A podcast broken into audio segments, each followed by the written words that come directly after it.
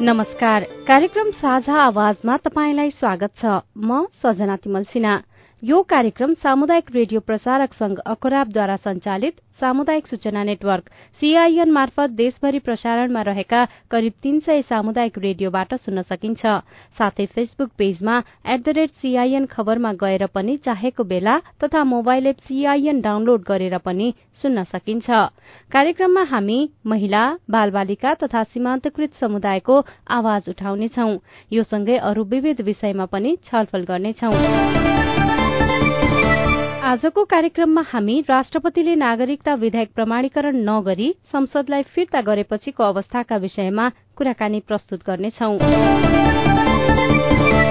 संघीय संसदको दुवै सदनबाट पारित भएर प्रमाणीकरणको लागि राष्ट्रपति समक्ष पेश भएको नागरिकता विधेयक संसदमै फिर्ता भएको छ। गत साउन छ गते प्रतिनिधि सभा र बाह्र गते राष्ट्रिय सभाबाट पारित भएको विधेयक पन्ध्र गते प्रमाणीकरणको लागि राष्ट्रपति समक्ष पठाइएको थियो। तर राष्ट्रपति विद्यादेवी भण्डारीले गत सोमबार पन्ध्र बुधे सन्देश सहित नागरिकता विधेयक संघीय संसदमा फिर्ता पठाउनु भएको छ। यो पन्ध्र बुदामा के छ? हामीले राष्ट्रपति कार्यालयको कानून महाशाखा प्रमुख सहसचिव इन्दिरा दाहाल भट्टराईलाई सोधेका छौं।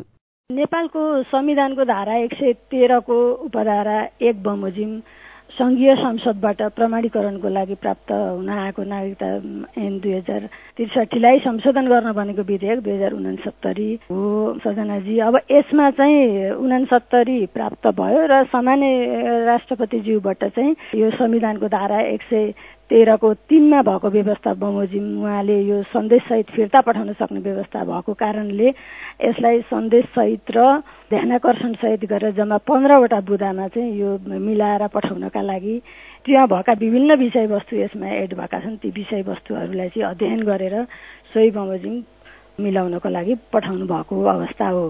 अब कारणै भन्नुहुन्छ भनेदेखि यहाँबाट पनि हामीले ध्यानकर्षण र सन्देशसहित भनेर सङ्घीय संसदमा पठाइसकेको अवस्था भएको हुँदाखेरि यसमा यो नेपालको संविधानको भावना अनुरूप पहिलो कुरालाई हामीले लिने भने भावना अनुरूप सङ्घीय कानुन निर्माण भयो कि भएन भन्ने प्रश्न छ क्या एउटा? त्यो मध्ये पनि के चाहिँ हो भनेदेखि नेपालको संविधानको भाग दुईमा नागरिकता सम्बन्धी व्यवस्था रहेको छ र त्यो नागरिकता सम्बन्धी व्यवस्थालाई हेर्दाखेरि चाहिँ यो विभिन्न ठाउँमा काहीँ चाहिँ कानुन बमोजिम भनेको छ काहीँ चाहिँ सङ्घीय कानुन बमोजिम बनाउनु पर्ने भनेर संविधानले दिशानिर्देश गरेको छ गाइडलाइन गरेको छ। सङ्घीय कानुन बमोजिम भनेर भनिएकोमा कुनै धारामा रहेको सङ्घीय कानुनलाई चाहिँ अहिले अहिलेको ऐनमा परिमार्जन गरियो समावेश गरियो जस्तो यो गैर आवासीय नेपाली नागरिकता सम्बन्धी विषयवस्तुहरू संविधानमा भएका विषयवस्तुलाई सङ्घीय कानुन बमोजिम भनेको ठाउँमा यो धारा चौधमा व्यवस्था छ त्यसलाई चाहिँ समावेश गरियो। तर अब कतिपय कुराहरू चाहिँ समावेश गरिएन। जस्तै अङ्गीकृत नागरिकताको हकमा धारा एघारको व्यवस्था छ त्यो एघारमा भएका कुनै कुरालाई सम्बोधन गरियो तर एघारको उपधारा छमा रहेको वैवाहिक अङ्गीकृतको व्यवस्थालाई चाहिँ यसमा समावेश गरिएको छैन। त्यस्तै गरेर धारा पन्ध्रमा रहेको अर्को पहिचान सहितको नागरिकता पाउने कुरा पनि यो सङ्घीय कानुन बमोजिम हुनेछ भनिएको छ तर त्यसलाई पनि अहिलेको सङ्घीय कानुनमा समावेश गरिएको छैन। यो हुँदा संविधानको भावना संविधानको मर्म अनुसार चाहिँ यो कानुन आएन। मूलत यो संविधानसँग म्याच गरेन। भन्ने नै हो। होइन भनेदेखि यो नेपाल कानुनले नै हुन्थ्यो भनेदेखि यो नागरिकता ऐनमा संशोधन अहिले गर्नु जरुरी थिएन। किन यसलाई सङ्घीयकरण गर्नको लागि नै यो कानुन चाहिँ संशोधन गरिएको हो। यो कानुन भनेको अहिलेको नागरिकता ऐन यो संशोधन गरिएको तर ती मूलभूत विषय नै यसमा छुट्न गयो। यसमा राखिएको छैन एउटा कुरा। त्यस्तै गरेर अब अर्को चाहिँ छ अब महिलाहरूले आफ्नो सन्तानलाई नागरिकता दिलाउँदाखेरि आमाको नामबाट मात्रै नागरिकता दिने व्यवस्था संविधानमा गरिएको छ। यो महिलाको नैसर्गिक अधिकारको कुरा पनि हो र जन्मिएका बालबालिका नागरिकता विहीन नहुन् भनेर पनि यो व्यवस्था गरिएको छ। अब अहिले नागरिकता दिनुपर्ने अवस्था सिर्जना भयो भनेदेखि महिलाहरूले चाहिँ बच्चाको नागरिकता बनाउने बेलामा उसको बाबु चाहिँ फलानु हो अथवा के हो भनेर त्यसको बारेमा सो घोषणा गर्नुपर्ने कानुनमा व्यवस्था गरेर ल्याइयो अहिलेको विधेयकमा। अब त्यो व्यवस्थालाई हेर्दाखेरि तपाईँ हामी सबैजनालाई लाग्छ सबै विषयहरू यो सो घोषणा गर्न मिल्ने विषय पनि हुँदैनन्।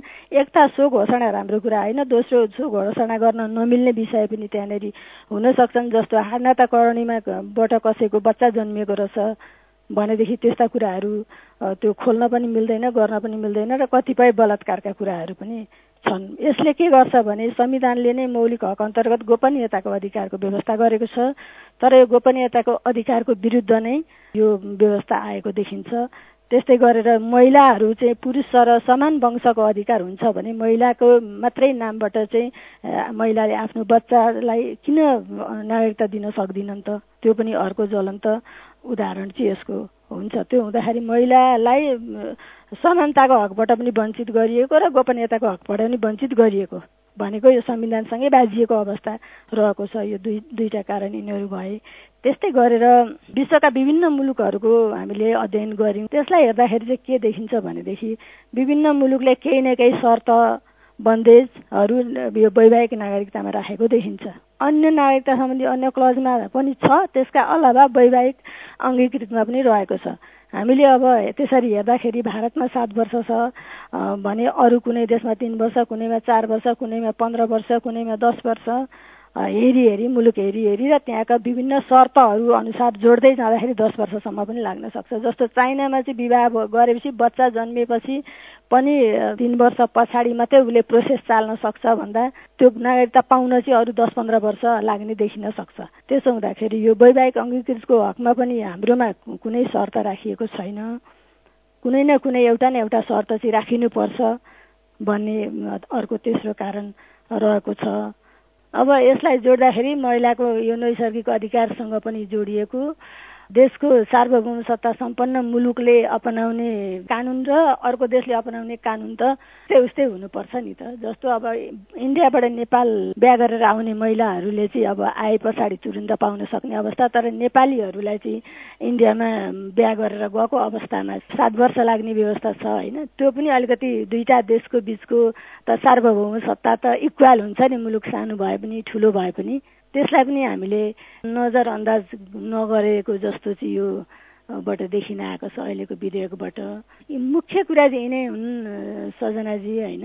यिनै विषयवस्तुहरूलाई विचार विमर्श गर्न। योभन्दा अगाडि हाम्रा संवैधानिक व्यवस्थाहरू चाहिँ कसरी हुँदै आए कानुनी र संवैधानिक व्यवस्था भन्दा नौ सालदेखि नागरिकता ऐनको सुरुवात भयो र हाम्रो जहिले जहिले यो जनआन्दोलनहरू अथवा सत्ता परिवर्तनका कुराहरू हुन्छन् नि त्यसको पछाडि चाहिँ हाम्रो नयाँ संविधान बन्ने गर्छ।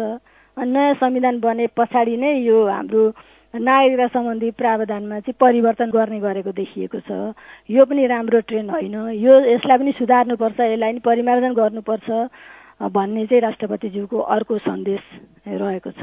भने मूलत यी चारवटा सन्देशकै वरिपरि रहेर पन्ध्रवटा ध्यान आकर्षण र सन्देशसहितका बुदाहरू निर्णय भएका बुदाहरू हुन्। उहाँ हुनुहुन्थ्यो राष्ट्रपति कार्यालयको कानून महाशाखा प्रमुख सहसचिव इन्दिरा दाहाल भट्टराई।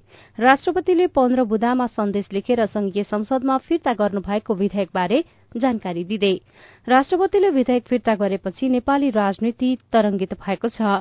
सत्ता पक्षले राष्ट्रपतिले विधेयक फिर्ता लिए पनि फेरि राष्ट्रपतिलाई प्रमाणीकरणको लागि पठाउने निर्णय गरेको छ। नेपाली कांग्रेसका सचेतक मेन विश्वकर्मा। मूल कुरा त हाम्रो शासन व्यवस्था संसदीय शासन प्रणाली हो र संसदले नै सरकारलाई जवाफदेही बनाउँछ। संसदले नै जनताको प्रतिनिधित्व पनि गर्छ। त्यसैले जनताको शासन भनेको संसदबाट चुनिने सरकारले चलाउने शासन प्रणाली हो। त्यसैले संसद सबैभन्दा उच्च सार्वभौमिक सत्ता सम्पन्न निकाय हो सर्वोच्च निकाय हो। संसदले पारित गरेर पठाएका विधेयकहरूलाई राष्ट्रपतिले स्वाभाविक प्रक्रियाबाट स्वीकृत गर्नुपर्दछ भन्ने हाम्रो संवैधानिक व्यवस्था छ। तर कुनै त्यस्तो जटिल अथवा कुनै विशेष परिस्थितिमा राष्ट्रपतिले त्यसलाई पुनर्विचार गर्नका लागि पनि संसदमा फर्काउने प्रावधान अनुरूप सम्मान्य राष्ट्रपतिज्यूबाट त्यो फिर्ता आएको छ। त्यसलाई राष्ट्रिय आवश्यकता अहिले समयको परिस्थिति सबै कुरालाई मध्यनजर गरेर यसलाई छिटोभन्दा छिटो पारित गर्नुपर्ने देखिन्छ। किनभने यो संसदको अवधि सकिन लागेको छ र नागरिकता विधेयक नआएको कारणबाट लाखौँ नागरिकहरू नागरिकता प्राप्त गर्नबाट वञ्चित भएका छन् जसका कारणले उनीहरू सामान्यतया अध्ययन गर्न सवारी चालक अनुमति पत्र लिन ब्याङ्क खाता खोल्न रोजगारी गर्न विदेश भ्रमण गर्न समेत नपाए सङ्घ संस्थाको सदस्य समेत बन्न नपाएको अवस्थामा यो ल्याउनु अति आवश्यक छ। तथापि अब यसमा केही विषयहरू सम्मान्य राष्ट्रपतिज्यूबाट स्मरण गराएको सन्देशमा उल्लेख छ। त्यसो भएको हुनाले ती कुरालाई पनि मध्यनजर गर्दै अब हामी पुरानै सामान्य प्रक्रियाबाट फेरि संसदमा यो विधेयकलाई प्रस्तुत गर्छौँ र प्रस्तुत गरेर राष्ट्रिय सहमति कवर राष्ट्रिय सहमति भएन भने पनि संसदीय प्रणाली र प्रक्रियाभित्रबाट यसलाई टुङ्गोमा पुर्याएर पुनः राष्ट्रपति समक्ष हामी पेश गर्छौँ। तर तपाईँले बुहारी र ज्वाइँको कुरा जोडिरहँदाखेरि केही समय चाहिँ उनीहरू नेपालमै आएर बसेको हुनुपर्छ भन्ने प्रावधान राख्नुपर्छ भन्ने आवाज त धेरैतिरबाट उठेको छ नि होइन र? होइन विवाह गरेर आएपछि बस्नुपर्छ भन्ने कुरा त स्वाभाविक हो नि त्यो त छँदैछ त त्यो त के हुन्छ भने अहिले जुन कुरा हामीले हल्ला चलाएका छौँ विवाह गर्न बित्तिकै नागरिकता दिने भने विवाह गर्दा गरेपछि नागरिकता नदिँदा के हुन्छ होइन नागरिकता दिएन भने के हुन्छ त्यसले व्यक्तिगत अधिकारमा मानव अधिकारको क्षेत्रमा त्यसले के के असर गर्छ भन्ने कुरालाई पनि त छलफल गरिएको छ तर अर्को कुरा यो कुरामा चाहिँ प्रश्न उठाएर फेरि अर्को प्रश्न के गरिएको छ भने नेपालको नागरिकहरूको वंशीय अधिकारको समानता भन्न बित्तिकै त्यसले फेरि कतातिर लक्षित गर्छ त्यो कुरालाई पनि हामीले बुझ्नुपर्छ। र के भनिएको छ भने एउटा कुरा हुन्न भन्दै गर्दा त्यस्तै प्रकृतिका अरू कुरा चाहिँ किन नगर्ने भनेर उहाँले प्रश्न उठाउनु भएको छ। त्यसैले यी विषयमा हामी छलफल गर्न थाल्यौँ भने धेरै गहिरो ढङ्गबाट छलफल गर्नुपर्ने हुन्छ। अब यसलाई सरकार प्रमुख प्रतिपक्ष संसदमा उपस्थित राजनीतिक दलहरूका बीचमा सहमति जुटाएर यथाशीघ्र हामीले यसलाई टुङ्गोमा पुर्याउनुपर्छ के हुन्छ आखिर यो त ऐन हो यो संविधान होइन ऐन भएको हुनाले अहिले हामीले यो ऐन जारी गर्छौँ केही त्यस्ता नमिल्दा अप्ठ्यारा कुराहरू भयो भने पटक पटक यसलाई संशोधन गर्न सकिन्छ उहाँ हुनुहुन्थ्यो नेपाली कांग्रेसका सचेतक मेन विश्वकर्मा।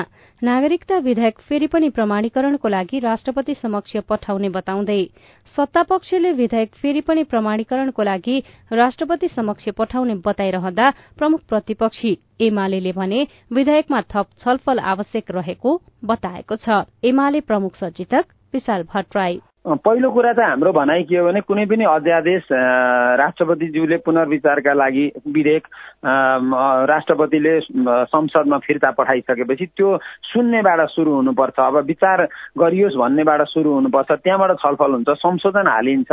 त्यसपछि फेरि त्यहाँबाट प्रतिनिधि सभाले राष्ट्रिय सभामा पठाउँछ अनि त्यहाँ पनि त्यही अनुसार छलफल हुन्छ। अनि मात्रै यो विधि पुग्छ यसको। अब होइन जे पनि हुन्छ हुन्न भनेर बहुमतले पेल्ने हो भने हामी जनताका बिचमा जान्छौँ र उहाँहरूले गर्न खोजेको देशप्रतिको यो ठुलो घाटलाई चाहिँ हामीले जनताका बिचमा भण्डाफोर गर्नुको अरू विकल्प छैन। सामान्य राष्ट्रपतिज्यूले एकपल्ट मात्रै फिर्ता पठाउन पाउने हुनाले उहाँले दोस्रो पल्ट फिर्ता पठाउन सक्नुहुन्न। मन नपरे पनि देशलाई घात हुन्छ भन्ने जान्दा जान्दै पनि उहाँले त्यसलाई प्रमाणीकरण गर्नुको कुनै दोस्रो विकल्प हुँदैन। त्यस कारण सत्ता पक्षलाई म अहिले पनि भन्न चाहन्छु आग्रह गर्न चाहन्छु यति विधि चाहिँ एकहोरो नहुनुहोस् यति विधि अरू कसैसँग बसेर चाहिँ तपाईँहरूले गरेको कमिटमेन्ट अरू कुनै विदेशीहरूलाई दलाली गर्ने तर जनतालाई घात गर्ने काम नगर्नुहोस्। नेपाल हामी सबैको चाहिँ एउटा चाहिँ प्राणभन्दा प्यारो राष्ट्र हो। यो राष्ट्र चाहिँ अरू कुनै चिजभन्दा माथि किमार्थ पनि राष्ट्र तल हुन सक्दैन। त्यस कारण अरू कसैको चाहिँ दलाली गरेर अरू कसैसँग चाहिँ बसीभूत भएर यति विधि चाहिँ देशप्रति घात गर्ने अधिकार उहाँहरूलाई छैन। त्यसो गर्नुभयो भने हामी जनतालाई आह्वान गर्छौँ र यसको प्रतिवाद चाहिँ सडकबाट गरिन्छ। हुनुहुन्थ्यो। एमालेका प्रमुख सचेतक विशाल भट्टराई। राष्ट्रपतिले प्रमाणीकरण नगरी संघीय संसदमा फिर्ता पठाउनु भएको नागरिकता विधेयकमाथि थप छलफल गर्नुपर्ने बताउँदै।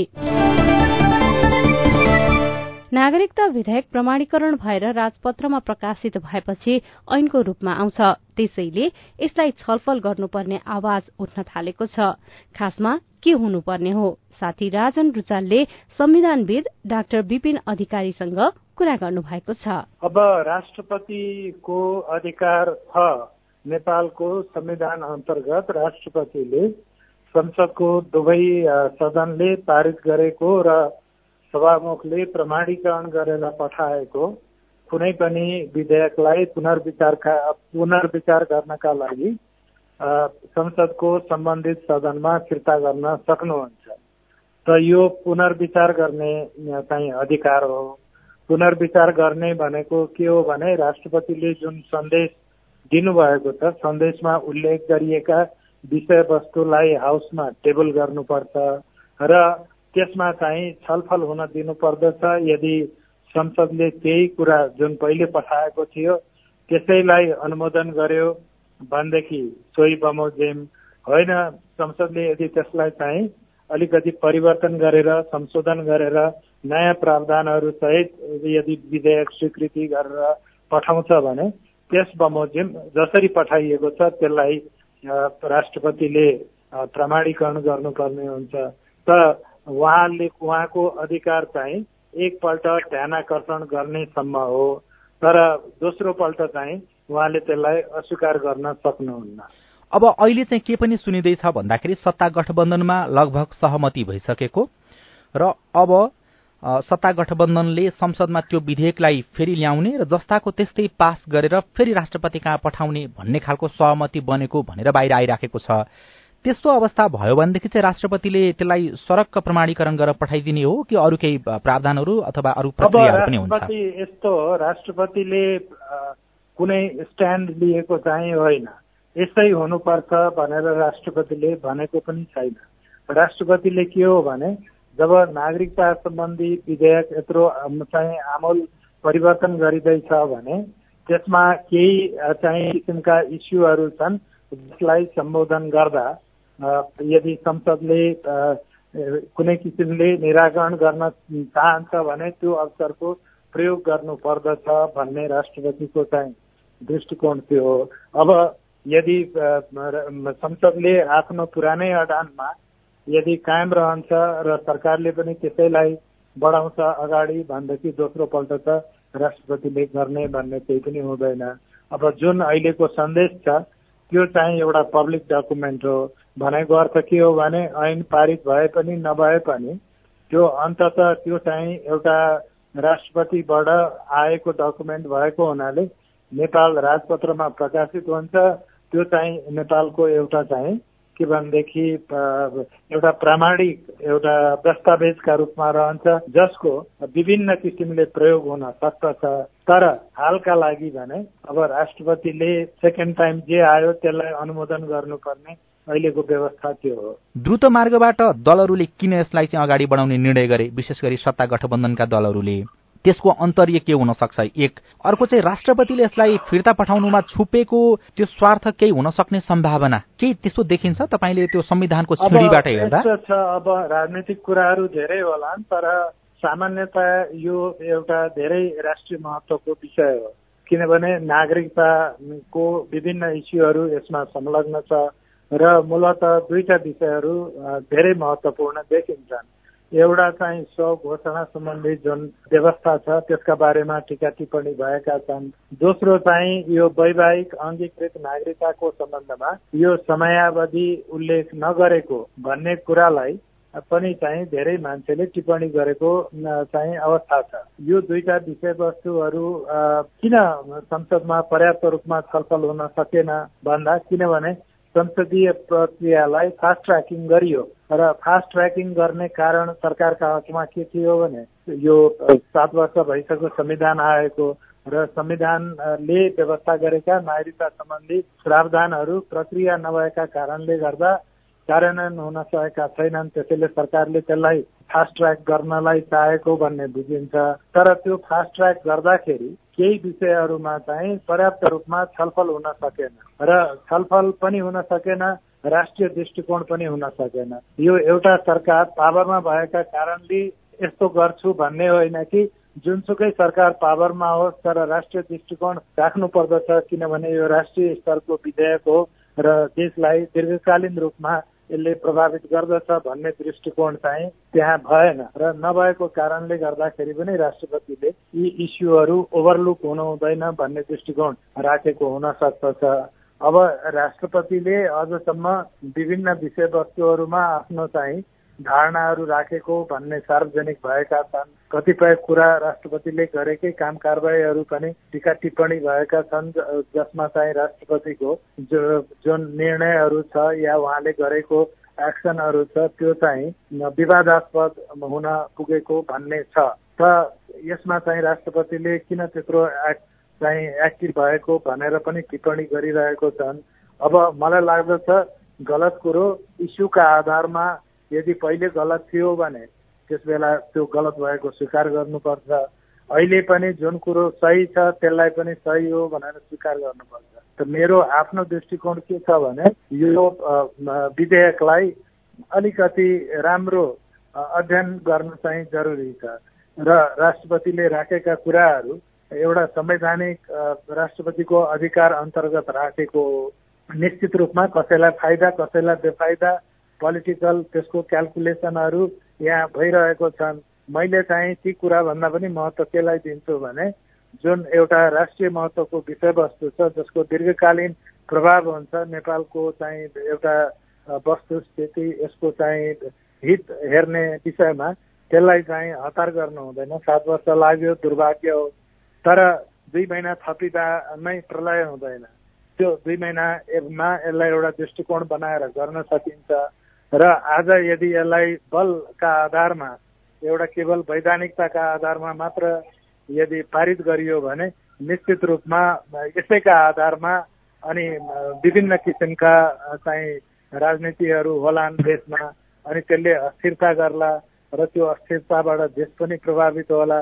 र अहिले पास भएको जुन विधेयक छ त्यसले त्यो पनि चाहिँ पुनः चाहिँ चाहिँ त्यसलाई खारेज गर्ने या अर्कोपल्ट फेरि संशोधन गर्ने दिन पनि आउला। यसरी हेर्नु हुँदैन। हेर्ने भनेको सोझो गरियो प्रक्रियामा जाने। प्रक्रियामा जानुको हो भने अन्तर्वस्तुमा भएका जुन समस्याहरू छन् केही छन् भने त्यो निराकरण हुन्छ। एउटा दृष्टिकोण राष्ट्रपतिले राखेको हामी देख्दछौँ तर राष्ट्रपतिले यसो गर्नुपर्छ उसो गर्नुपर्छ भन्दा पनि इस्युहरू छन् है यसमा भन्नेसम्म राखेको देखिन्छ अब राजनीतिमा निश्चित रूपमा हरेक काम कारवाहीको अर्थ हुन्छ। अब अहिलेको निर्णय कार्यान्वयन होला नहोला कुन रूपमा होला तर त्यसको दुर्गामी प्रभाव चाहिँ हुन्छ। नागरिकता विधेयकमा त्यस्तो कुरा के छ? जसबाट हामी डराउनु पर्यो एउटा अर्को चाहिँ तपाईँले भने जस्तै थप दुई महिना थपेर हामीले छलफल गर्दै गर्दाखेरि चाहिँ त्यो नडराउनु पर्ने स्थिति कसरी पैदा हुन सक्छ त्यसको चाहिँ त्यो पुष्टि गर्ने आधार चाहिँ के हुन्छ त? यस्तो छ। यसमा चाहिँ अब इस्यु के हो भने जस्तो महिलाहरूको हकमा आमाको नाउँबाट नागरिकता प्रदान गर्दाखेरि अब जन्माउने आमाले नै आफ्नो सम्बन्धलाई चाहिँ सो घोषणा गर्ने यो बच्चाको पिताको बारेमा या बच्चा पाउने परिस्थितिको बारेमा भन्ने एउटा प्रावधान यो विधेयकमा संशोधन विधेयकमा परेको छ। अब त्यसलाई कतिपय मान्छेहरूले एउटा तर्कसङ्गत आधारमा त्यो व्यवस्था ठिक भएन भनेका छन्। यसमा महिला पनि छन् पुरुष पनि छन् र त्यो मलाई पनि त्यो तर्क सही लाग्दछ। त्यो के भने कि कुनै पनि महिलाले आफ्नो एउटा विषम परिस्थितिका कारणले गर्दा चाहिँ केही कुराहरू जुन उसको उनको निजी चाहिँ एउटा गोप्यताका विषयवस्तुहरू हुन्छन् त्यसलाई सार्वजनिक गर्नुपर्ने खण्ड आउँदाखेरि त उसको जुन एउटा ह्युम्यान डिग्निटी छ एउटा व्यक्तिगत जुन मानवीय पक्ष छ त्यसमा चाहिँ कम्प्रोमाइज गर्नुपर्ने हुन्छ। त त्यो व्यवस्था ठिक भएन स्वघोषणा को कुरो सम्मानजनक रूपमा कसरी चाहिँ त्यसलाई व्यवस्था गर्ने भन्ने कुराका बारेमा एउटा दृष्टिकोण बनाउनु पर्छ। जुन छलफल भएको भए सम्बन्धित पक्षहरूसँग उठबस यदि संसदले संसदका चाहिँ सम्बन्धित समितिले गर्न सकेको भए या हाम्रा समाजमा भएका महिलामुखी जुन सामाजिक कार्यकर्ताहरू छन् या नागरिक समाज छ महिला लिडरहरू छन् उनीहरूसँग यदि एउटा लेभलको इन्ट्रेक्सन गरेको भए सम्मानजनक एक्जिट निकास पाउन सकिन्थ्यो होला। त त्यो हुन नसकेको भन्ने एउटा प्रश्न हो एउटा पक्ष हो। अर्को पक्ष के हो भने अब बिए गरेर आउने बित्तिकै चाहिँ विदेशी महिलालाई नागरिकता दिने कुरो। त त्यो नागरिकता हाम्रो देशमा विभिन्न कारणले गर्दा र मूलत हाम्रा चाहिँ छिमेकीको प्रभावका कारणले गर्दा चाहिँ आउँदा नआउँदै कुनै पनि बुहारीलाई विदेशी बुहारीलाई तत्कालै नागरिकता दिने प्रचलन चल्यो। जुन जुन चाहिँ एउटा अन्तर्राष्ट्रिय रूपमा प्रचलित एउटा परम्परा अनुसारको छैन। त सामान्यतया वैवाहिक अङ्गीकृत नागरिकता विधा लिँदा या अङ्गीकृतका अन्य पक्षहरूमा पनि तपाईँको जहिले पनि एउटा मान्यता के राखिन्छ भने कि अङ्गीकृत हुने व्यक्तिले यो मुलुकलाई केवल प्राविधिक कारणले मात्र होइन कि यसलाई अपनाउन पनि चाहन्छ। र ऊ यहीँनिर काम गर्न चाहन्छ बन्द व्यापार गर्न चाहन्छ यो देश अपनाउन चाहन्छ र त्यो विवाहलाई टिकाउने उसको उद्देश्य छ भन्ने देखि देखिनु पर्दछ। त्यसका आधारमा कसैले कम्तीमा सात वर्ष कसैले पाँच वर्ष कसैले नौ वर्ष कसैले सोह्र वर्षको अवधिहरू पनि राखेका छन्। त संसारमा अलिकति प्रजातान्त्रिक देशहरूमा चाहिँ या भनौँ उदार एउटा व्यवस्था भएको देशहरूमा धेरै लामो अवधि राखिँदैन जस्तो हाम्रो छिमेकी मुलुक भारतमा सात वर्षको एउटा अवधि कायम गरिएको छ। र सात वर्षको अवधिमा पनि केही वर्ष चाहिँ भारतमै बसेको हुनु पर्दछ यो चाहिँ फिजिकल्ली। त्यो के भने विवाह टिकेको मात्र होइन कि शारीरिक रूपमा पनि बसेको हुनुपर्छ भौतिक रूपमै बसेको हुनु पर्यो रूपमा पनि बसेको हुनु पर्यो त्यस्तो प्रणाली विभिन्न ठाउँमा छ। अब कतिपय देशहरू छन् धेरै चाहिँ चर्को व्यवस्था छ। कतिले चाहिँ यो अङ्गीकृतलाई स्वीकारै गर्दैनन्। उसको छोराछोरीलाई मात्र स्वीकार गर्दछन्। यदि आमा बाबु त्यो देशमा बसेर जिन्दगी बिताएको छ भने त हामी चर्को व्यवस्था होइन। एउटा ऱ्यासनल उदार तर्कसङ्गत र मानव अधिकार उन्मुख चाहिँ एउटा परिपाटीमा जान सक्दछ। तर राख्दै नराख्ने समयावधि भन्दाखेरि चाहिँ यो देशलाई चाहिँ अलिकति न्याकेको चाहिँ कारणले हो। तपाईँ त्यस्तो हुँदैन। जुन संसारमा कहीँ हुँदैन। कहीँ नभएको जात्रा हाडी गाउँमा भने जस्तो। काहीँ नभएको प्रावधान चाहिँ नेपालमा। नेपालमा त्यसरी राखिनु हुँदैन। र हाम्रो सरकारले पनि दबाब आउँदछ। स्वाभाविक हो हामी सानो छौँ। धेरै कुरामा अरूमा भर पर्नु पर्दछ। दबाब दिन्छन् तर दबाब दिँदाखेरि यसरी स्वीकार गर्नु जरुरी छैन। जस्तो कि कति धेरै चाहिँ सत्ता गठबन्धनकै कुरा गरौँ अथवा विपक्षीय पार्टीका नेताहरूको कुरा गरौँ एउटा राजनीतिक उचाइ छ एकातिर अर्कोतिर राजनीतिक भविष्य पनि छ त्यो सबै कुरालाई दाउमा राखेर राष्ट्रियताको सवालमा यति धेरै गिर्न सक्ने अथवा यति धेरै डराउनु पर्ने स्थितिमा हाम्रा नेताहरू छन् र कानुन र व्यवस्थाहरू नेपाली जनताको हित अनुकूल हुनु पर्दछ। र त्यो हित चाहिँ केमा छ भने कि यस्ता विषयवस्तुमा हाम्रो सार्वजनिक चासो पनि अभिव्यक्त होस्। र संसारले एउटा बाटो हिँडेको छ त्यसको एउटा कारण होला नि त एउटा नैतिक पक्ष होला यसको व्यवहारिक पक्ष होला। हामीलाई त्यो लागू हुँदैन भनेर भन्नु हुँदैन। र सरकारले पनि यस्ता विषयवस्तुहरूमा संसदमा छलफल हुन दिनु पर्दछ सरकारले नेपाली जनताको सार्वभौम सत्तालाई व्यक्त गर्दछ। तर सार्वभौम सत्ताले आफ्नो ठाउँ त पाउनु पर्दछ उसले यसमा चाहिँ जो मान्छे यसको पक्षमा छन् यो नाङ्गिएर उभिनु पर्यो। जो मान्छे चाहिँ यसको विपक्षमा छन् उसले यसलाई विरोध गर्न पाउनु पर्यो। सरकारसँग बहुमत छ सरकारले पेलेरै पनि लान सक्दछ या सरकारले होइन यसमा चाहिँ अलिकति हतार भएछ। हामी सुधार्छौँ भन्न पनि सक्दछ तर प्रक्रियाका कुराहरूलाई चाहिँ इन्स्योर गर्नुपर्छ।